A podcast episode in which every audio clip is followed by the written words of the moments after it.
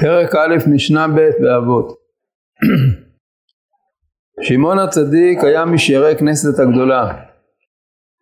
הוא היה אומר על שלושה דברים העולם עומד על התורה ועל העבודה ועל גמילות חסדים.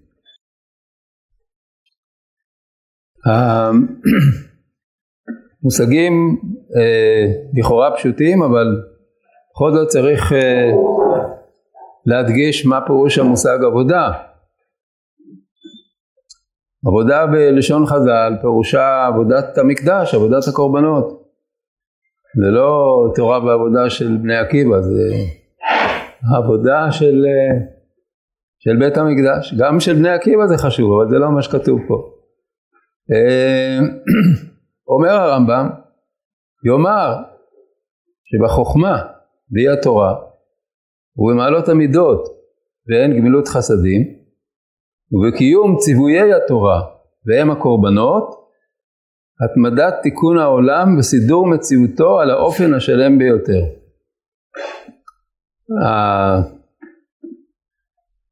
המושג הזה שהעולם עומד עליהם זה לא סתם אה, שבח או הפלגה בחשיבות הדבר אלא באמת מדובר על היסודות של הקיום, יסודות של הקיום. אז הרמב"ם מסביר למה הם שלושת הדברים האלה הם היסודות של הקיום. ואם שמים לו לב אז הוא משנה את הסדר, הוא לא מסביר לפי הסדר במשנה תורה, עבודה, גמילות חסדים, אלא מקדים את גמילות חסדים לעבודה. הוא אומר בתורה, התורה, מעלות המידות, והם גמלות חסדים, וקיום ציוויי התורה והם הקורבנות. מה, מה פירוש הדבר? כידוע הרמב"ם בכמה מקומות החל מהקדמת המשנה שהוא כתב בגיל צעיר וכלה במורה נבוכים שכתב בסוף ימיו אה, אומר לנו ששלמות האדם היא תלויה בשני דברים בחוכמה ובמעשים, חוכמה ובמוסר. והתורה כולה אה, מכוונת בשביל שני הדברים האלה, שהם אה, להקנות לאדם את האמיתות וללמד אותו להתנהג נכון, במידות נכונות. אז הוא אומר ש... קודם כל שני הדברים הראשונים זה התורה שהיא באופן כללי המושג תורה אנחנו יודעים שיש לה משמעות של לימוד תורה. לימוד תורה זה בכל החלקים של התורה. גם אה, לימוד המצוות ההלכה גם לימוד החוכמה האלוקית מה שנקרא סתרי התורה. הכל אה, דבר אחד שהוא החוכמה. החוכמה כוללת אה, לפי הרמב"ם במיוחד גם את כל החוכמות של אה, ידיעת המציאות. כי אם מדובר על אה, סתרי תורה, דהיינו על מעשה בראשית ומעשה מרכבה, אז הרמב"ם אומר בשביל להגיע לחוכמות האלה שנקראות החוכמות האלוהיות, צריך לדעת את כל החוכמות, להכיר את כל המציאות כולה, את החוכמות הלימודיות והחוכמות הטבעיות ואחר כך מגיעים לחוכמות האלוהיות אז אם זה חלק מהתורה פירוש דבר שהתורה בעצם כוללת את כל המושג חוכמה כל מה שאדם יכול לדעת ולהשכיל ולהבין בראש החוכמה עומדת ידיעת השם, ידיעת אחדות השם, כך הוא אומר בהקדמת המשנה. אז זה המושג של התורה. תורה זה החוכמה. ואחר כך ההתנהגות המוסרית שהיא מעלות המידות. אז הוא מקדים את גמילות חסדים, מדוע? מפני שגמילות חסדים כוללת את כל המצוות שהמשמעות שה... שלהם והכוונה שלהם מובנת לנו באופן מיידי. דהיינו כל מה שקשור למידות טובות בין אדם לחברו, בין אדם לחברה, זה דבר שהאדם מבין את החשיבות שלו באופן מיידי. והגמרא במסכת יומא מגדירה את זה מצוות שאלמלא לא נכתבו ראויים היו להיכתב. דהיינו שגם אם לא היה כתוב בתורה אה, לא לגנוב, לא לשקר ולא, ולא לבזות אה, הורים ומורים, אז היינו יודעים בעצמנו שאלה הם מידות טובות ונכונות. אבל יש גם בתורה מצוות אחרות שנקראות בשם מצוות שמעיות, דהיינו שאלמלא שמענו אותם, לא היינו יודעים לקיים אותם, לא היינו יודעים מה חשיבותם, ואלה הם הסוג השלישי שהוא אה, מדבר עליו כאן, דהיינו זה מה שהמשנה קוראת העבודה. אז אומנם העבודה באופן ספציפי זה הקורבנות, אבל הרמב"ם במקום מאוד חשוב בסוף ספר עבודה מדבר על ה... באופן כללי על, על מצוות התורה שהקורבנות הן אה, מייצגות את הסוג הזה של המצוות שאלמלא היינו מצווים בהם לא היינו מקיימים אותם. אבל בעצם זה נוגע לכל המצוות השמיות הרמב"ם אומר שם בסוף ספר עבודה שראוי לאדם להתבונן במשפטי התורה הקדושה ולידע סוף עניינם כפי כוחו ובהמשך הדברים הוא אומר הרי נאמר בתורה ושמרתם את כל חוקותיי ואת כל משפטיי ועשיתם אותם. אמרו חכמים ניתן שמירה ועשייה לחוקים כמשפטים. המשפטים הם המצוות שטעמן גלוי וטובת עשייתן בעולם הזה ידועה כגון איסור גזל, שפיכות דמים, כיבוד אב ואם והחוקים הם המצוות שאין טעמם ידוע. אמרו חכמים חוקים שחקקתי לך אין לך רשות להרהר בהם. מה הם המצוות האלה שאין טעמם ידוע?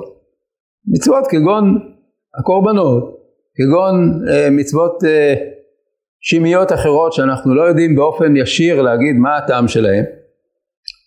והרמב"ם אומר בפירוש, בכל הקורבנות כולם מכלל החוקים הם, לפיכך אמרו חכמים שאף על עבודת הקורבנות העולם עומד. מה זה אף על עבודת הקורבנות העולם עומד? לא רק על המצוות האלה שהן מצוות מובנות, שהן מתקנות את המידות שלנו, שאנחנו מיד יודעים למה צריך לקיים אותן, אלא גם מצוות כאלה שאנחנו לא יודעים מיד. כשהרמב"ם אומר שאין טעמם ידוע, הוא לא מתכוון להגיד שאין להם טעם. זה ממש בניגוד גמור לדעתו ולהשקפתו. הוא כותב הרי בתחילת ההלכה, ראוי לאדם להתבונן במשפטי התורה הקדושה ולידע סוף עניינם כפי כוחו. והוא עושה את הדבר הזה בעצמו בסוף uh, מורה נבוכים בחלק השלישי, הוא עובר אחת אחת על כל מצוות התורה ומנסה לתת טעם uh, מובן והגיוני לכל אחת מהמצוות. כי באופן עקרוני כל מצווה, גם המצוות האלה שהן מצוות שמיות, יש להן טעם והן מכוונות למטרה מסוימת. מהי המטרה? או מטרה של אמונית, של ידיעת אה, דעה נכונה, או מטרה של אה, מידות, אלא שלפעמים אנחנו לא במבט ראשון מבינים את טעם המצווה, צריך להתבונן, צריך לחשוב מה התורה, למה התורה ציוותה את הדבר הזה. אז בשני הסוגים של אלה, האלה של המצוות, האחת זה מה שנקרא משפטים, הם המצוות שטעמן גלוי וטובת עשייתן ידועה, והשנייה זה אלה שנקראות חוקים שהם לא במבט ראשון מובנות לנו, אלא צריך להתבונן ולחשוב מה מטרתן, גם על אלה וגם על אלה העולם עומד, זה לא שאפשר לוותר על אחד מהם. נכון שבאופן פשוט יותר ברור לנו העניין של גמילות חסדים, אז לכן הוא אומר יש אה, שלושה עמודים שהתורה, שהעולם עומד עליהם, אחד זה החוכמה, השני זה גמילות חסדים, דהיינו כל מה שנוגע למידות הטובות של האדם, היחסים בין בני אדם וכדומה. והעמוד השלישי שעליו הוא אומר וגם עליו אמרו חכמים שהעולם עומד זה ציוויי התורה דהיינו אותם, אותם הציוויים של התורה שאנחנו לא היינו מקיימים אותם מדעתנו שהם לא כמו גזל ושפיכות דמים וכיבוד אב ואם אלא הם דברים שצריך לחשוב מה התורה רוצה מאיתנו כאן למה היא ציוותה אותנו צריך את שלושתם אם אחד מהם חסר חסר משהו בעולם, בקיומו של העולם. מדוע? למה זה כל כך ברור שגם אם החלק השלישי, דהיינו העבודה, חסר אז העולם לא יכול לעמוד, מפני שבחוכמה ומידות טובות אפשר לחשוב שלא מוכרחים דווקא לקבל עול מלכות שמיים בשביל זה. אדם יכול לחשוב שזה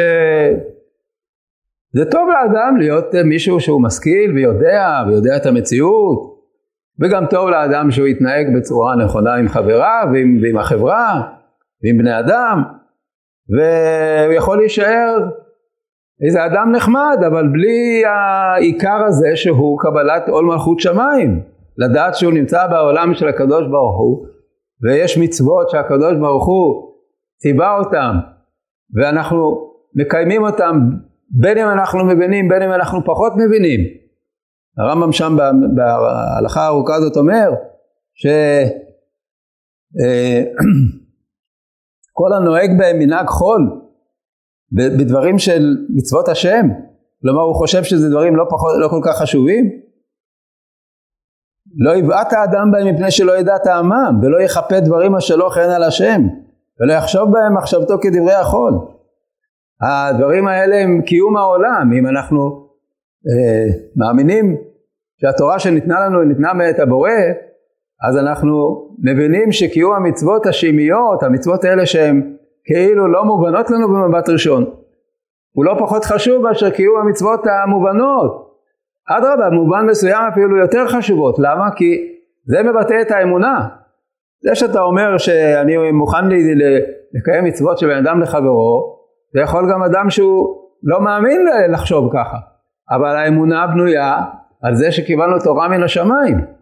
ולכן זה שלושה דברים שעל שלושתם העולם עומד. הוא עומד על החוכמה, התורה, הוא עומד על גמילות חסדים, והוא עומד על העבודה, והם הציוויים, או דוגמה, דוגמה לציוויים שהקדוש ברוך הוא ציווה אותנו, שהם אה, לא מהדברים המובנים מעליהם, אלא הדברים שהם ציוויים שיש להם אה, מקור אלוקי ברור וודאי שיש להם טעם, ודאי שיש להם עניין ומטרה, אבל הם לא דברים שאנחנו היינו יודעים אותם מעצמנו, כלומר השניים הראשונים הם מספיקים בשביל אנושיות שהיא אפילו לא מקבלת עליה מלכות שמיים. לעומת הדבר השלישי זה קבלת עול מלכות שמיים ולכן שלושתם יחד הם סידור מציאותו של העולם על האופן השלם ביותר.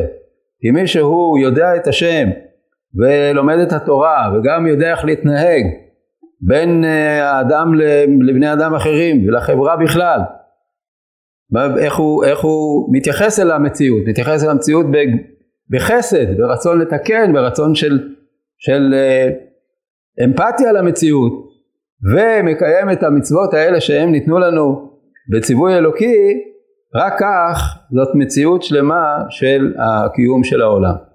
אז זה בעצם הפירוש שהרמב"ם נותן למימרה הגדולה הזאת של שמעון הצדיק.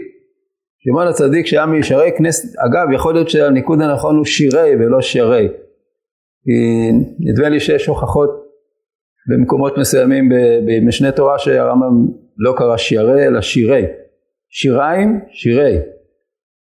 צריך בירור. בכל אופן, אה, שמעון הצדיק היה מהאחרונים שנשארו מכנסת הגדולה שהייתה בתחילת בית שני, ואנחנו יודעים שהוא היה גדול בכל שלושת הדברים, היה כהן גדול, וכמובן שהיה אמון על העבודה, והיה ממקבלי התורה שבעל פה ומוסריה, הם אנשי כנסת הגדולה, והיחסים שלו עם, ה, עם האדם הגיעו לזה ש...